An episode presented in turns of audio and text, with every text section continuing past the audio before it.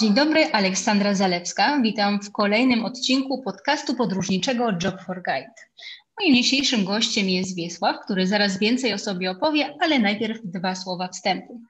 Podcast, którego słuchacie, został zrealizowany dla portalu Job for Guide z myślą o wszystkich tych, którzy tak jak my kochają podróże.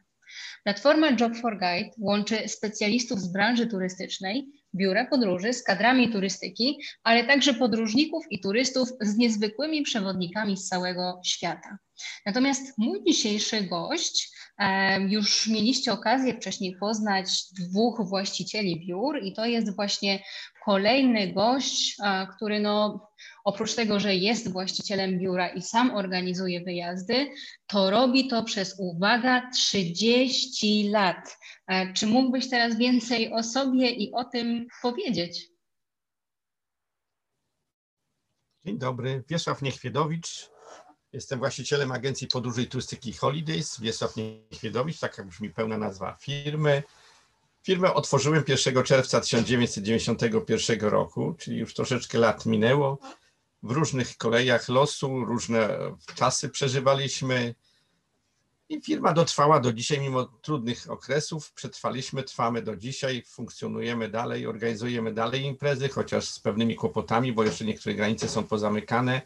My się specjalizujemy na przykład w wyjazdach do Druskienika. Jeszcze niedawno do Druskienik nie można było na Litwie wyjechać. No, pracuję w turystyce już kilkadziesiąt lat. Zajmowałem się, pierwsza moja praca to była na studiach społeczna, prowadziłem klub turystyczny na Uniwersytecie Gdańskim. Potem pracowałem w Almaturze, w Juventurze, w Orbisie, no i w końcu założyłem swoje biuro. Jestem też przewodnikiem po Trójmieście turystycznym, a także pilotem wycieczek zagranicznych. Mhm. No i właśnie, jakby tutaj powiedziałeś tą kwestię, poruszyłeś tą trudną kwestię, myślę, tego, że ten ostatni rok, ponad rok już w tej chwili, dał się wszystkim we znaki. Jak on wpłynął na właśnie działanie Twojego biura? Co robiliście w tym czasie? No rzeczywiście to, jak wszyscy doświadczyliśmy, dużo stresu na pewno, dużo pracy, ponieważ trzeba było klientów przekonać, żeby nie starali się nie rezygnować, przeprosić ich, że nie wyjadą na swoje ulubione wakacje, które zaplanowali często z wyprzedzeniem przecież rocznym. E, sprzedawaliśmy już oferty wycieczkowe w 2019 roku, czyli dla wielu był to szok, bo nie mogli wyjechać, zaplanowali wyjazdy, nie wiedzieli, czy odzyskają pieniądze, co z ich pieniędzmi, co się będzie działo, czy biura przetrwają. No na szczęście udało się to zrealizować. Prawdzie pracowaliśmy od rana do wieczora, żeby przenieść wycieczki poszczególnym klientom, żeby ewentualnie odwołać wyjazdy. No ale na szczęście przetrwaliśmy, klienci też przetrwali, przyzwyczaili się, że to jednak były ciężkie czasy, a w tej chwili cieszą się, że już biura zostały otwarte, że już mogą przyjść do biura, pogadać już. Nawet jeżeli nie chcą jeszcze kupić czegoś, to już przynajmniej chcą przyjść, pogadać do biura i zobaczyć, jak nam się w ogóle wiedzie. No właśnie, przyjść pogadać i pewnie dowiedzieć się w ogóle, jaka jest sytuacja na rynku, jak wy się czujecie, jakie wyjazdy planujecie, to powiedz, e, no bo mm, tak jak już wspomniałeś, no tyle lat w turystyce, nie tylko jesteś biurem, ale też sam pracujesz jako kadry turystyki, e, więc co takiego jest w tej turystyce? No bo to jest jednak powołanie, że no jednak mimo wszystko, że jednak pomimo tych trudnych czasów e, wracasz, jesteś, walczysz o to. No myślę, że jeżeli chodzi o kadry turystyczne, to już jesteśmy do tego przyzwyczajeni, jest to nasz żywioł i bez tego myślę, większość z nas nie potrafi już żyć. Już tak się przyzwyczailiśmy do tego. Z drugiej strony mamy klientów, którzy przychodzą, mają do nas zaufanie, wiedzą, że możemy im dobrze doradzić. Nawet teraz przychodzą, pytają się, co dalej. Oczywiście są tacy klienci, którzy ze względu na sytuację, może niektórzy chorowali, są tą chorobą też przerażeni. Na razie nie planują wyjazdów, no ale chcą nawet przyjść, pogadać, dowiedzieć się, jak to wygląda. Na przykład niektórzy, którzy wyjeżdżali e, mimo obostrzeń gdzieś tam na morze e, ciepłe, to cieszyli się, to były ich najlepsze wakacje, no bo z jednej strony nie było wielu turystów, także nie było ścisku na plaży, ścisku na basenach i tak dalej w muzeach było mniej osób, no jednak mogli sobie spędzić czas, jakby sobie, jak wyobrazili, jakby chcieli ten czas spędzić. No w tej chwili się pytają, jakie obostrzenia, czy muszą mieć testy, czy szczepienia, czy, i tak, no jest to dużo pytań, dużo z tym, dużo niewiadomych, bo na przykład niektóre kraje nie wymagają żadnych testów, żadnych badań, no niektóre wymagają i szczepienia, i testów i tak dalej.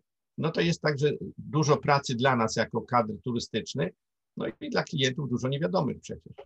Mhm. No tak, i trzeba być cały czas na bieżąco. Myślę, że ten rok bardzo zweryfikował rynek turystyczny. Ja tak trochę też ciągnę dlatego z Tobą ten temat, bo wydaje mi się, że no cóż, nie mamy jeszcze może oficjalnych jakichś takich danych i statystyk, ale sam dobrze wiesz po swoich znajomych, że wiele biur e, po prostu się zamknęło, upadło. E, z punktu widzenia kadr turystyki znowu wiele osób no, nie miało wyboru, musiało się przebranżowić, e, gdzieś tam znaleźć swoją nową drogę, żeby po prostu przetrwać, móc zarabiać. Jak to wygląda z Twojej perspektywy?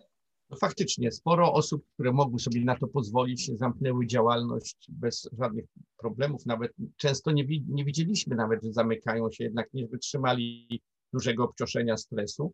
Jeżeli im to umożliwiło, nie musieli, nie mieli jakichś długoletnich umów podpisanych na czynsz, to mogli zrezygnować z dnia na dzień i sporo osób tak e, zrobiło. Część osób też przeniosło działalność do domu, żeby czekać, nie płacić za dużo kosztów i postanowiło przenieść, prowadzić działalność z domu na początek online. Teraz jak to się ruszy, to myślę, że z powrotem wrócą gdzieś podnajmą lokale i będą dalej funkcjonować. No większe biura, niektóre też zmniejszyły, ograniczyły swoją działalność, no ale mimo wszystko tak patrząc z mojej perspektywy, no, na mojej ulicy, tak powiem, potocznie to oprócz mojego biura w promieniu 500 metrów nie ma żadnego biura. Kiedyś było tych biur, można powiedzieć, kilkanaście, no to w tej chwili żadnego nie ma biura, no ale to jest y, tak też czasy, bo tak jak e, część osób właśnie, jak mówię, rezygnuje, nie wytrzymuje tej presji, być może wszyscy się jak mm. odnowią swoją działalność, jak Feniks popiołu powstaną nowe biura. No jasne. No ja myślę, że z punktu widzenia turystów e, wielokrotnie przez lata były firmy, które upadały. Myślę, że upadek taki zwłaszcza Neckermana to była no, ogromny szok dla, dla takiego zwykłego turysty, który no, zawsze wychodził z założenia, że lepiej unikać tych małych biur, ale trzymać się tych dużych marek, bo one to są gwarancją, a tu się okazuje, że jednak nie, że żyjemy w takich czasach, że w zasadzie, no cóż, 30 lat jednak, tak jak ty działasz, to jest kwestia no właśnie budowania tej marki, budowania zaufania, budowania relacji, prawda? Tak, to coś jest. Tutaj wspomniałaś o Neckermanie, tak.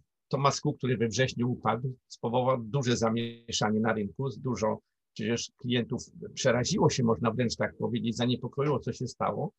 I się najgorzej to zbiegło się właśnie z COVID-em, bo przecież od grudnia już mieliśmy informację, że w Chinach jest e, wirus, że już są ograniczone wyjazdy do tego kraju.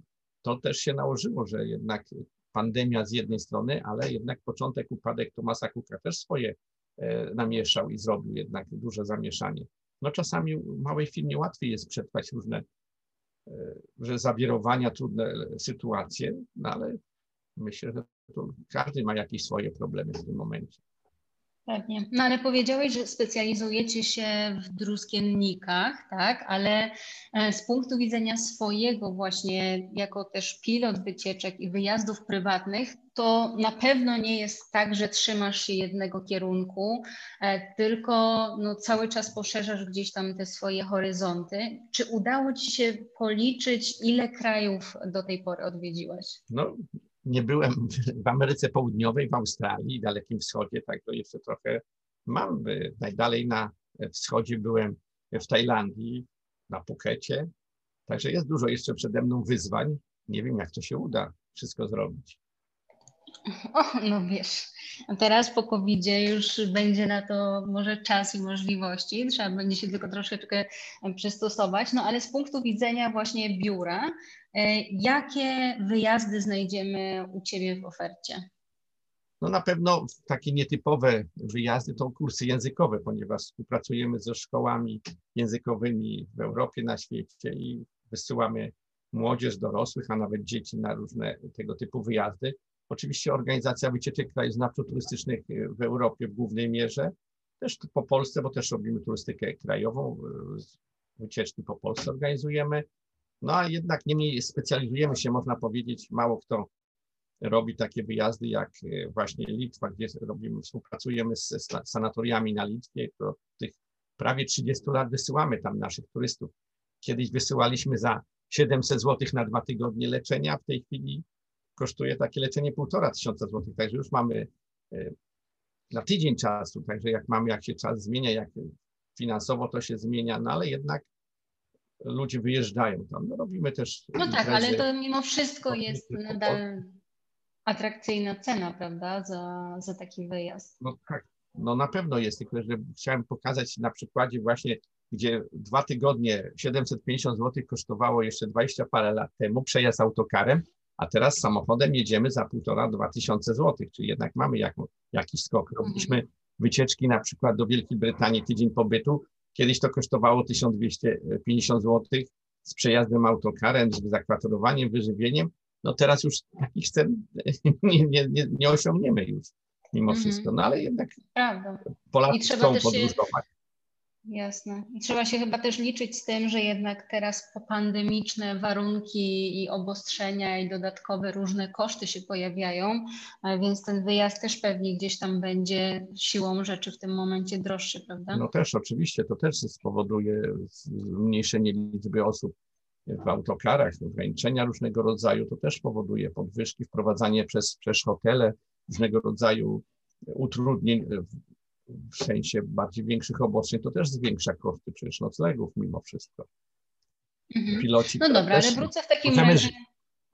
Możemy też tutaj Jasne. negocjować, łatwiej negocjować z przewodnikiem, z pilotem nawet obniżkę ceny, bo też jesteśmy sami mhm. wygodniali, nie mogliśmy z wycieczkami jeździć, chodzić z wycieczkami, oprowadzać, to tu też czasami łatwiej jest znegocjować. Pewnie, ale w takim razie wracam do tej Litwy, dlatego że no z tego, co ja się orientuję, właśnie na rynku jest masa ofert takich wyjazdów na Ukrainę, e, czy gdzieś tam na Węgry. E, a co takiego jest właśnie na tej Litwie? Jak to wygląda w tych druskiennikach? E, jaka grupa wiekowa się tam wybiera? Czy to jest dla wszystkich? No, Litwa, jako że to jest jednak, jak gdyby można powiedzieć, kiedyś dawno historycznie powiązana z Polską, to też nas przyciąga. Chcemy tam pojechać, zobaczyć, jak to bardzo wielu nas przecież ma tam, stamtąd pochodzi, ma swoich, y, że tak powiem, przodków, praprzodków nawet, dlatego to też jest sentymentem, wszyscy jeżdżą. No ale na przykład do Druskienik, spa, sanatoria, są przeznaczone, od dzieci jeżdżą i dorośli jeżdżą, dla wszystkich, tu nie ma ograniczeń. Y, taki kiedyś stary Litwin powiedział, lekarz litewski powiedział, że chory to idzie do szpitala się leczyć, natomiast do sanatorów jeżdżą ci, co chcą wzmocnić swoje zdrowie i chcą żyć w dobrym zdrowiu dłuższy, dłuższy czas. Mhm. No to w takim razie, jeżeli mówisz, że i dorośli, i dzieci, i starsi, i młodsi, to jakie tam masz w pakiecie takie zabiegi, że no nie wiem, dzieci też z nich korzystają? no też są, no w tej chwili oczywiście są pewne rzeczy jeszcze przejściowo ograniczone, bo na przykład inhalacje, czy zabiegi kąpiele borowinowe, no ale są e, kompleks zabiegów od trzech zabiegów dziennie przez tydzień czasu, każdy może otrzymać takie zabiegi. Tam wydobywają na przykład na Litwie naturalną borowinę, są dobre kąpiele w czarnej, białej borowinie, zabiegi rehabilitacyjne. No bardzo dużo rzeczywiście specjalistycznych rzeczy się odbywa, gdzie często na przykład jest tak, jest też to leczenie, system leczenia, badania człowieka e, skomputeryzowany, że właściwie komputer za nas, za nas, za lekarza dużo rzeczy robi. Wyszukuje różne ciekawe o naszym organizmie informacje, które są no później okay, pomocne ale... do czy poleciłbyś na przykład, że na właśnie tą Litwę, na te zabiegi, które tam oni proponują, bo rzeczywiście są świetnej jakości, powinna jechać osoba, która ma takie, takie, takie jakieś tam schorzenia albo takie, takie jakieś myśli o wzmocnieniu jakiejś określonej kwestii? Oczywiście, bo są sanatoria, którzy specjalizują w chorobach reumatologicznych, wszystko związane z, z, z kośćcem, z kręgosłupem, e, choroby reumatologiczne dla innych systemy pokarmowe, dla kogoś jeszcze, no mówię, dla każdej osoby. Dla kobiet nawet specjalne programy ginekologiczne są przygotowane. Okej, okay, wow. Okej, okay. no dobra, czyli generalnie po prostu jak ktoś jest zainteresowany tym, żeby skorzystać z takiego nietypowego wellness, blisko, ale coś innego i żeby rzeczywiście zrobić coś dobrego dla swojego ciała, zwłaszcza po tym okresie trudnym covidowym, no to trzeba po prostu do Wiesława się zwrócić Właśnie. i tak. Tereny są I tam. w tym momencie dużo jezior, lasów, mało przemysłu, także jest to w takich Duskinikach w ogóle praktycznie przemysłu, poza nawet piekarni już specjalnie takiej dużej nie mają, także jest poza elektrociepłownią to już nie ma żadnego przemysłu tam, poza samochodami, które przyjeżdżają. Mhm. Czyli rozumiem, że te wyjazdy na Litwę to są takie, to jest taki w sumie twój flagowy program. Czy jest jeszcze coś takiego z jakichś objazdówek, z jakichś takich programów bardziej krajoznawczych, które no nie wiem, lubisz, polecasz?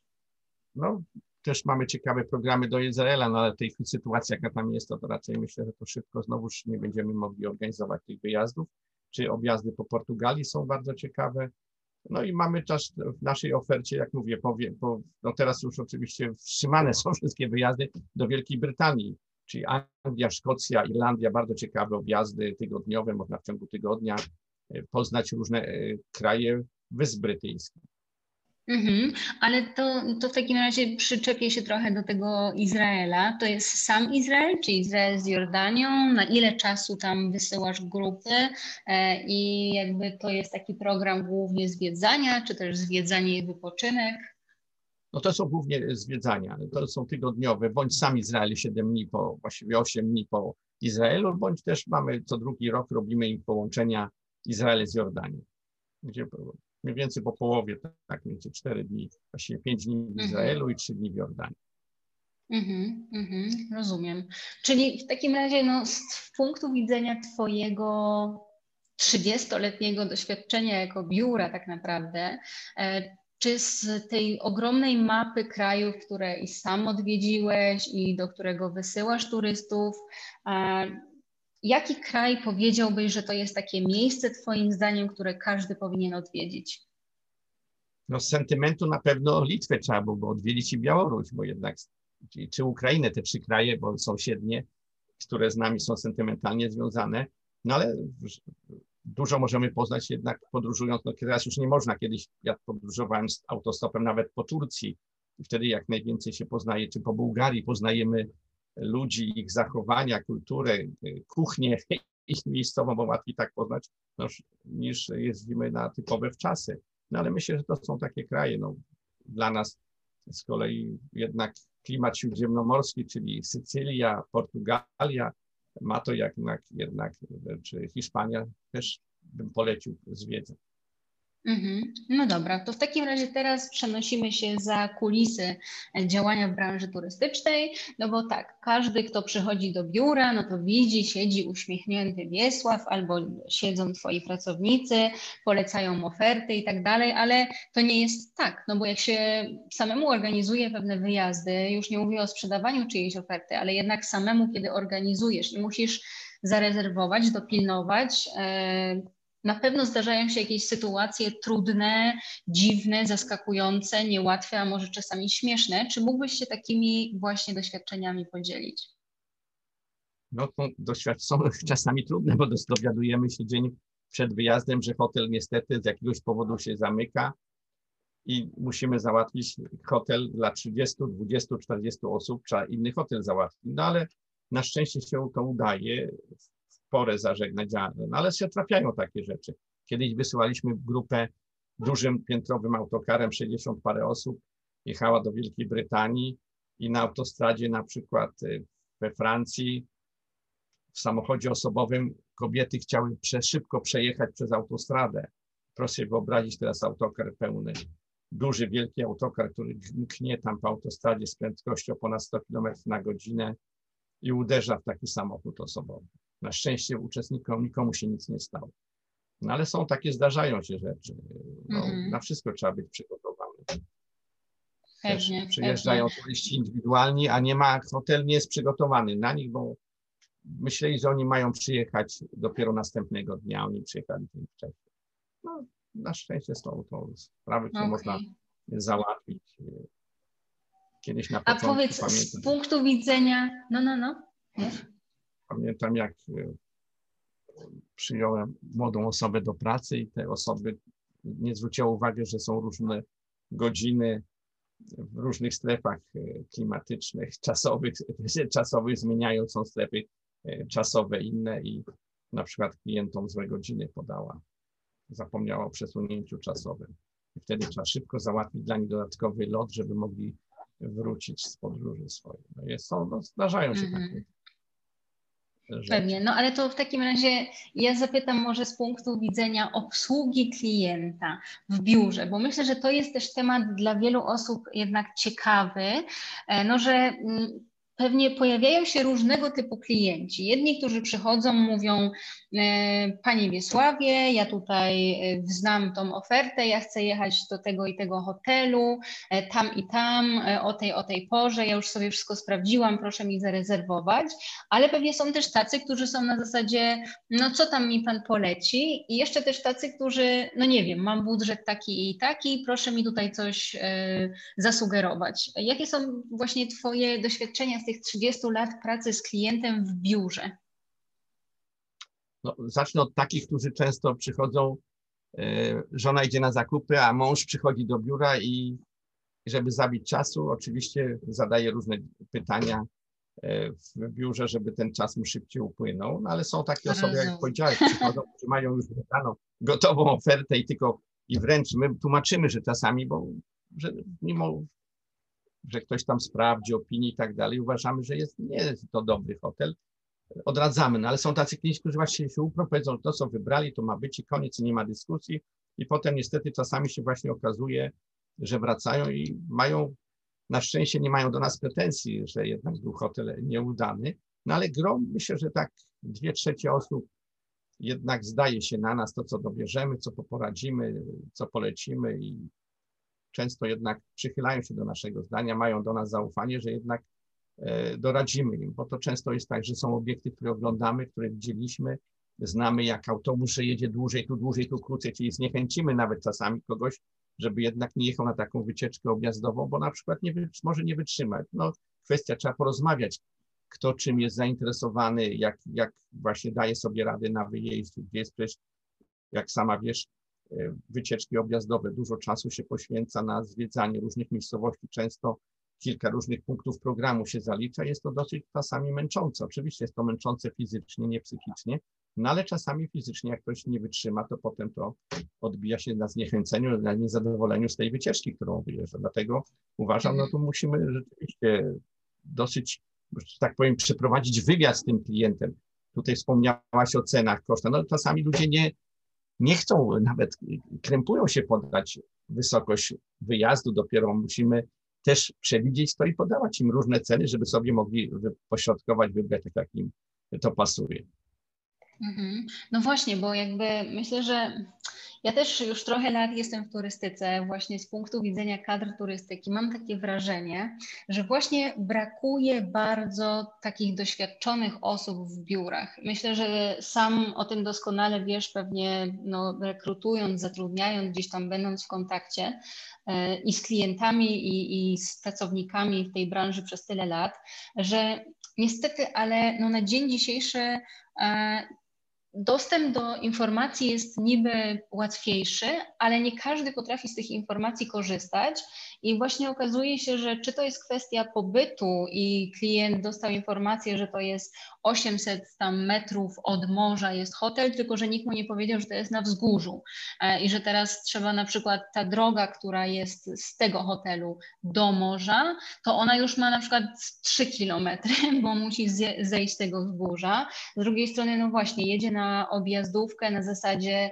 last minute, tam za jakąś super cenę e, i nie jest w ogóle świadomy, gdzie on jedzie, co on jedzie, po co on tam jedzie, co on będzie widział w ogóle. On w ogóle informacje go nie interesują.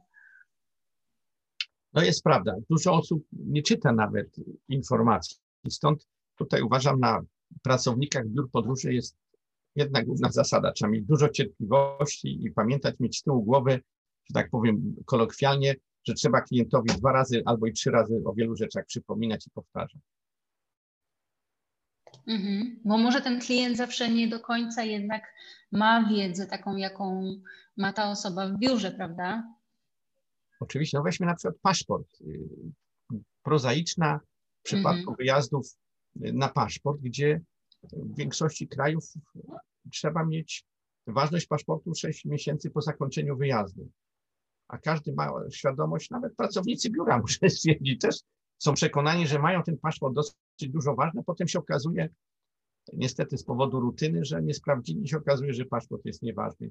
Taka prozaiczna rzecz powoduje, że grupa, na przykład osoby, rodzina z dziećmi nie, przele, nie wyleci, bo nie ma ktoś tam ważnego paszportu. Także, no, ale takie mm -hmm. mówię. Albo wizy, kiedyś świadomi, że trzeba uzyskać. Tak, ale kiedyś było łatwiej, bo w większości krajów musieliśmy mieć wizy i wtedy żeby uzyskać, wiadomo, wizę, trzeba było mieć paszport ważny, sprawdzało się, wypełniało się wnioski wizowe. Teraz, gdzie do wielu krajów przecież nie potrzebujemy w ogóle mieć wiz. No teraz z powodu koronawirusa znowuż do niektórych krajów musimy mieć wizę, ale chodzi o to, że wtedy jak wypełniamy wnioski, sprawdzamy, to mamy kontrolę nad tym wszystkim, bo musimy wizę uzyskać.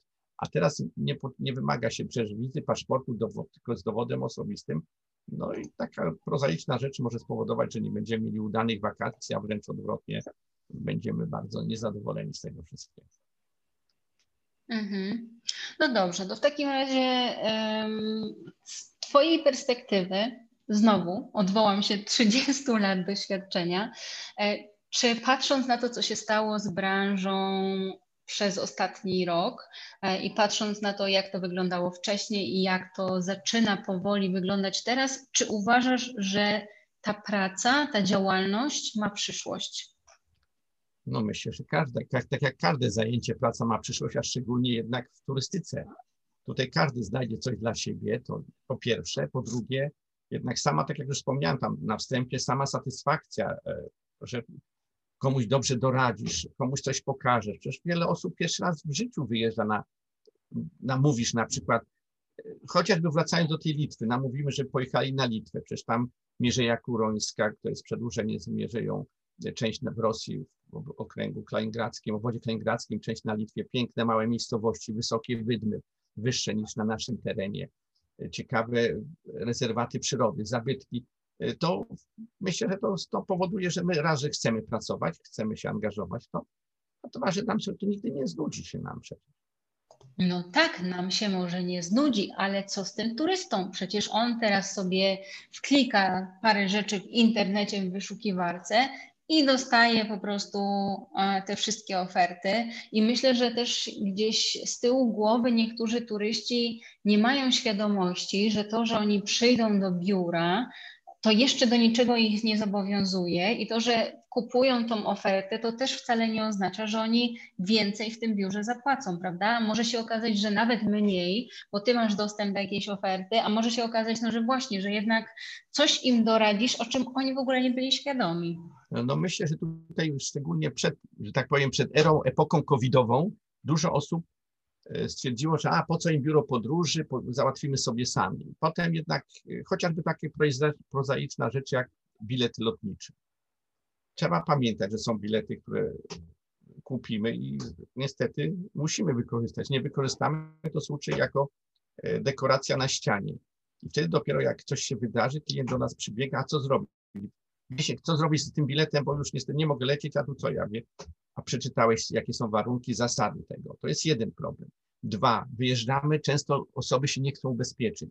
Tutaj my jednak mając w pamięci różne przypadki, yy, jednak namówimy tego yy, po przyszłego podróżnika, turysty, żeby się ubezpieczył. Doradzimy. Do, mówię, w tym epoce przedcovidowej dużo osób stwierdziło, a po co im biuro podróży, sami sobie lepiej, taniej znajdą. Ale są przypadki. Na między wykupił ktoś u nas E, pobyt gdzieś tam, a potem mówi, a wewnętrzne linie sobie sami załatwimy, a okazuje się, że w międzyczasie linie te wewnętrzne zbankrutowały i co? I przepadają wszystkie e, oszczędności, które mieli akurat na taki konkretny gdzieś tam wewnętrzny bilet w, w dalekiej Azji czy w Afryce wykorzystać.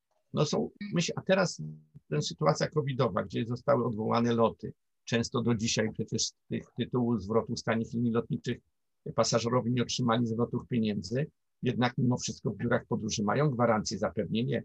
Raz, że czarter jak poleci, to ten czarter wróci. Ten organizator przy pomocy nawet władz państwowych zorganizuje ten samolot, że ich przywiezie. Natomiast w tanich liniach nikt się nie, nie przejmuje tym pasażerem.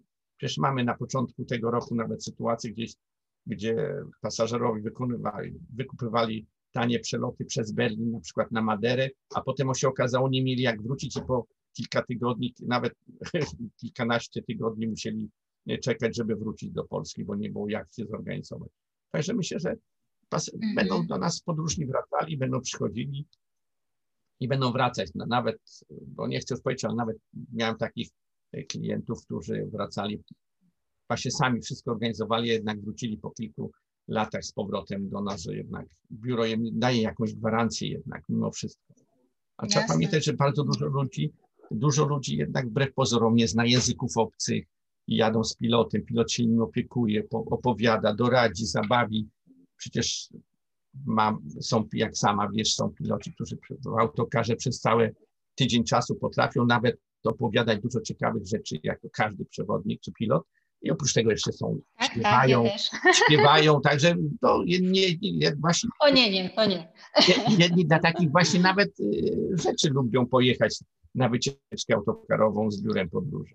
Tego sami nie zaznają tego przecież. Ciągną samolot, wykupią samolot, załóżmy tanich linii na Maltę, polecą na Maltę i co, wylądują potem, jeżeli ktoś... I potem sami są zdani na siebie, no chyba, że wykupią jakąś objazdową wycieczkę tam na miejscu po tej Malcie, nie, często jednak w obcym języku. No, no właśnie, ja tutaj, dobrze, że, Dobrze, że mówisz o tych językach, bo ja myślę, że też jest inny problem. Często jest tak, że ludziom się wydaje, że znają dany język obcy. Już najlepszym przykładem chyba jest angielski. I jak już znają angielski, to że oni już sobie poradzą w całym świecie, po czym na przykład lądują w jakimś kraju i się okazuje, że no niestety, albo ten angielski to nie jest aż tak bardzo popularny yy, i jakby im się wydawało, jednak dogadanie się z jakimś taksówkarzem albo jeszcze z jakąś inną osobą lokalną, która nie jest stricte związana bardzo z turystyką taką masową, zagraniczną, albo się nagle okazuje, że ta osoba mówi do ciebie po angielsku, a ty nawet nie jesteś świadomy, że to jest po angielsku, bo sposób, w jaki w ogóle mówi, jest niezrozumiały dla takiego Polaka, który no, no nie miał styczności wcześniej z różnymi dziwnymi, e, egzotycznymi e, wersjami tego języka, czy angielskiego, czy hiszpańskiego, czy jakiegoś innego, nie? No tak, to jest też, to też o tym trzeba pamiętać. Ja miałem takie przypadki, że mój pilot pierwszy raz, który pojechał, który perfekt angielski znał, perfekt, ale trafił na kierowców angielskich, którzy swoim tam kokni rozmawiali i przez pierwsze godziny to nie mógł się e, zrozumieć, o co im chodzi. Jeszcze do tego fachowym językiem takim tylko e, porozumiewali się, że nie wiedział w pierwszym momencie, mm. o co im chodzi. Nawet mówię, osoba, która perfekt biegle jeździ, podróżuje i nie mogła się, mówię, w takiej akurat takiej specyficznej sytuacji dogadać. Mm-hmm. No tak, czyli jednym słowem patrzymy z optymizmem w przyszłość, wierzymy, że jednak e, turystyka wróci, że turyści wrócą do biur podróży, e, że jednak no, ten COVID zweryfikował rynek, ale też zweryfikował poglądy podróżników i turystów, którzy dojrzeli do tego, że no tak, różne są sytuacje w życiu i może lepiej e, powierzyć swoje bezpieczeństwo i oszczędności komuś, kto wie, jak tym zarządzać takie mamy chyba wnioski. Tak jest, to się z tym zgadzam. Myślę, że nam klientów, mówiąc tak kolokwialnie, nie zabraknie w biurach, bo jednak dużo osób chce jednak korzysta. No, nawet chociażby taka prozaiczna rzecz i prosta jak cena, bo przecież nie oszukujmy się, dużo osób szuka imprezy, jak najtaniej chce kupić. Jednak mimo wszystko pracownik biura podróży ma większą szansę znaleźć, bo się orientuje we wszystkich, ma do dyspozycji różnego rodzaju systemy, gdzie może porównać te ceny i może doradzić klientowi przyszłemu podróżnemu, co można, za, ile, za jaką kwotę wylecieć, podróżować. Pewnie. No dobrze, to w takim razie ostatnie pytanie już na dzisiaj. E, gdybyś mógł polecić naszym słuchaczom e, jakąś e, lekturę albo jakiś film, który no właśnie zabierze ich w taką podróż bez wychodzenia z domu, jako takie przygotowanie, wstęp do podróży, które gdzieś tam, gdzieś tam dopiero się zaczynają. No wiesz co, zaskoczę cię może, a może nie zaskoczę. Ja myślę, że wszystkim, no tylko że w odpowiednim wieku, najpierw trzeba zacząć czytać książki pod, przygodowe. Mhm. Ja pamiętam, że taką. Robinsona Crusoe. No, też, ale nie, właśnie zaskoczę cię, właśnie, że nie. No też, oczywiście, ale dla wszystkich, to szczególnie młodzież y, powinna sobie poczytać. Nie wiem, czy pamiętasz, czy się interesowałaś, był, był taki pisarz Szklarski, który e, pisał takie fajne książki o Tomku Wilmowskim, który podróżował, wyprawy po całym świecie. On pisał książki, podróże, potem pamiętajmy, że byliśmy pod zaborami, Polska była pod zaborami, to były lata, koniec XIX wieku, początek XX wieku, 1900 lata, gdzie polska rzecz zaczyna, jest, opisuje tło historyczne, w jakiej sytuacji wtedy byliśmy, że nie było Polski, byliśmy pod zaborami i ten właśnie Tomasz Wilmowski z rodzicami, właśnie z tatą swoim, z przyjaciółmi, podróżuje, jedzie do Australii, jedzie do Ameryki Południowej. No podróżuje i akurat ten, że pisarz wydaje jego kolejne podróże po, można powiedzieć, po wszystkich kontynentach. I to bo myślę, że to mnie zainspirowało też, że jak można e, połączyć właśnie podróże ze zwiedzaniem, a przy okazji poznaje się historię. To myślę, że to było też takim moim mm-hmm. pierwszym, takim wirusem do podróżowania, do turystyki. Takich rzeczy mamy dużo przecież. Mamy e, dużo takich podróży, takie serie są naokoło świata, które zapomniane może już teraz w dobie, gdzie wszyscy w internecie możemy wszystko znaleźć, ale myślę, że takie właśnie poczytanie takich książek e, to coś jednak więcej daje przecież. No teraz jest dużo różnych programów przecież i o wyspach, może podróże po wyspach greckich, E, Betani Hughes czy Julii e, Brandbary, które opisują ciekawy sposób podróżowanie na statkiem pieszo. Rzeczywiście wędrują po tych wyspach i pokazują nam te wyspy. Przecież o Egipcie dużo ciekawych e, pozycji się ukazuje, różnych programów, filmów. Ja na przykład, gdzie zaczynałem swoje pierwsze wyjazdy, jechałem pierwszy raz na przykład na Węgry, to przeczytałem książkę Y, szukałem jakichś tak książek pisarzy węgierskich, żeby tutaj oczywiście w tłumaczeniu, gdzie sobie musiałem przeczytać chociaż jedno, żeby jakiś zrozumieć klimat tych Węgrów, zrozumieć, co to są za ludzie. Oczywiście starałem się tych parę słów się nauczyć po węgiersku, leciałem na Węgry, jak sami wiecie, to dosyć trudny język, ale okazuje się, że dla mnie to był prosty język. Łatwy, nie, znaczy nie prosty, a łatwy, żeby sobie się nauczyć tych parę słów, żeby z nimi się tam przynajmniej grzecznościowo na początku porozumieć. Leciałem do Rumunii, to też kupiłem sobie książkę jakąś tam z historyczną, czy z literatury pięknej współczesnego pisarza tam na tamte czasy, żeby przeczytać o tej Rumunii coś więcej, nie tylko z książek historycznych, z przewodników, ale właśnie coś takiego, że tak powiem, e, potocznego, tej literatury mm -hmm. pięknej, z czego się dowie. Myślę, że to no jest, właśnie, myślę, że jest to, jest dobry pomysł. Bo wszyscy teraz filmy, tylko tak do tych przewodników, do tych przewodników. No tak, ale to jest też tak czasami, jak oglądamy różne programy, to jest taka dla nas taka papka, my patrzymy, natomiast myślę, że to bardziej trzeba tak od kuchni też popatrzeć. No oczywiście też musimy poczytać sobie, bo tam różne poradniki są, porady, jak mamy, y, lecimy na przykład gdzieś tam do Meksyku, że tam są inne gniazdka przykładowo, że w lipcu, w sierpniu mamy dużą wilgotność i na przykład ktoś, kto ma kłopoty z ciśnieniem, z sercem, nie powinien w tych okresach y, tam lecieć albo na przykład, że jest taka duża wilgotność, że wracając, wyjeżdżamy z walizką, która ma 20 kilo e, miejsca, a wracamy się, okazuje, nic nie kupiliśmy, ona ma 22 kg, bo taka wilgotność jest i te nasze mhm. ubrania nasiąkły wilgocią, czy tam rzeczy w walizce i okazuje się, że walizka ma nadwagę. Na przykład taki prozaiczny, drobny przypadek mhm. może się trafić. No dużo ciekawych mhm. książek jest, Jasne. uważam, bo przecież i Tora to jest dala, przecież o wyprawach raju też się dowiadujemy dużo ciekawych rzeczy. No łączymy, no trzeba pamiętać, że historia, podróże to też historia, to zabytki, przemysł, no tego nie, do, nie, nie doceniamy czasami, a nawet decydenci też nie zdają sobie sprawy, że takie biuro podróży to łączy dużo rzeczy, bo my nie tylko, że dajemy zatrudnienie dla pracowników, którzy w biurze podróży są zatrudnieni, dajemy pracę dla hotelarza, bo przecież jak dużo wycieczek organizujemy, korzystamy z hotelarzy. Hotelarz korzysta z gastronomii, bo przecież restauracja, przewodnik, pilot, autokar, nawet prozaiczne rzeczy jak sklepy mają, dzięki turystom żyją. Ja pamiętam, kiedyś robiliśmy imprezy dla Skandynawów, którzy przypływali do nas e, promami, dalej pływają przecież, a my postawiliśmy im autokary i oni autokarami zwiedzali Gdańsk, a potem dwie, trzy godziny po sklepach wodziliśmy bo chcieli sobie zakupy zrobić. I niektóre sklepy, pamiętam na przykład turyści z Rosji przyjeżdżali, to u nas akurat była mniejsza siła nabywcza tego naszego pieniądza, to sklepy się utrzymywały właśnie z turystów rosyjskich, którzy tutaj przyjeżdżali, nie tylko zwiedzali, ale też kupowali sobie różne potrzebne produkty. Przecież taka turystyka e, handlowa, jak powiem umownie, to funkcjonuje na całym świecie. Przecież z Beneluxu do Francji, czy Francuzi do Beneluxu jeżdżą, czy Anglicy przyjeżdżają na kontynent, czy my jedziemy do e, innych krajów. Przecież były takie czasy, gdzie Niemcy do nas przyjeżdżali. E, Czesi i Słowacy też do nas na zakupy przyjeżdżali.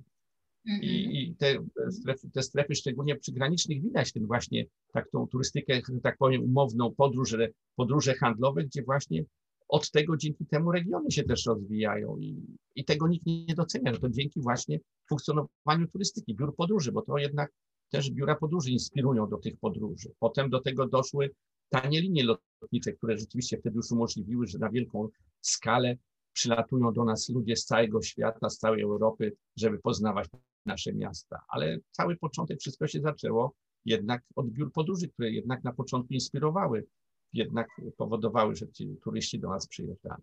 I tak samo w drugą stronę mm -hmm. się, mhm. jak my wyjeżdżamy gdzieś Jasne. Pewnie, to prawda, jasne. Zgadzam się w stu procentach. To, to jest taka... To w takim razie... E... chciałem, no, no. bo chciałem wtrącić właśnie, to biuro podróży to jest taka mała gospodarka na skalę światową, można powiedzieć, bo tutaj wszystkim musimy się pamiętać, o wszystkim zajmować. Moje na przykład biuro podróży jest, ja to się śmieję, takim uniwersalnym biurem podróży, bo u nas można wizę załatwić, bilet kupić, ubezpieczyć się, organizujemy różne wycieczki. No, i, i wycieczki, jesteśmy organizatorami wycieczki, ale też jesteśmy agentem, sprzedajemy oferty różnych innych biur podróży przecież. Mhm. No właśnie, to teraz tak, Twoje biuro podróży nazywa się Agencja Podróży i Turystyki Holidays. Wiesław Niechniedowy. I jest do, jest do znalezienia gdzie? W Gdańsku, czyli Polska Północna. W Gdańsku mamy e, biuro w Gdańsku. Okej, okay. w Gdańsku. Ewentualnie online. Mamy, proszę. Nie słyszę? Ewentualnie też online w sieci. No oczywiście, właśnie chciałem powiedzieć, mamy też swoje strony, stronę www.holidays.pl, mamy stronę, gdzie to wszystko można się tam dowiedzieć, mamy stronę www.druskienniki.pl, gdzie właśnie wyjazdy te specjalistyczne do Druskieni, mamy o stronę www.obozyyęzykowe.pl, gdzie właśnie kursy językowe dla młodzieży, dla dorosłych, mamy też stronę wycieczki autokarowe.pl, gdzie właśnie są głównie mierze wycieczki autokarowe przedstawione. Mm -hmm. No to super. To myślę, że mamy już jakby pełen pakiet wiadomości. W takim razie, no cóż, ja Ci bardzo dziękuję za rozmowę. E, wszystkiego najlepszego z okazji tej 30. rocznicy e, i myślę, że i ja, i nasi słuchacze też przyłączamy się, może nie będziemy śpiewać 100 lat, ale, ale zdecydowanie życzymy, żeby, no właśnie, że przynajmniej 30 kolejnych e, i żeby nigdy nie zabrakło Ci energii i pomysłów na kolejne wyjazdy. No i myślę, że przede wszystkim wszystkim tej energii, pasji e, do pracy z ludźmi i do tego, żeby właśnie doradzać, zabierać w świat i ten świat im pokazywać. Dziękuję bardzo i dziękuję za cierpliwość. No tak, ja uważam, że właśnie pracownicy biur podróży spełniają marzenia, powodują, że właśnie po, pozwalamy spełnić wszystkim marzenia swoje. A to jest trudno zrobić według mnie, mi się tak wydaje. Mm. No dobrze, to z tą myślą zostawiamy naszych słuchaczy. Dziękuję Ci, do usłyszenia i do usłyszenia w kolejnym odcinku.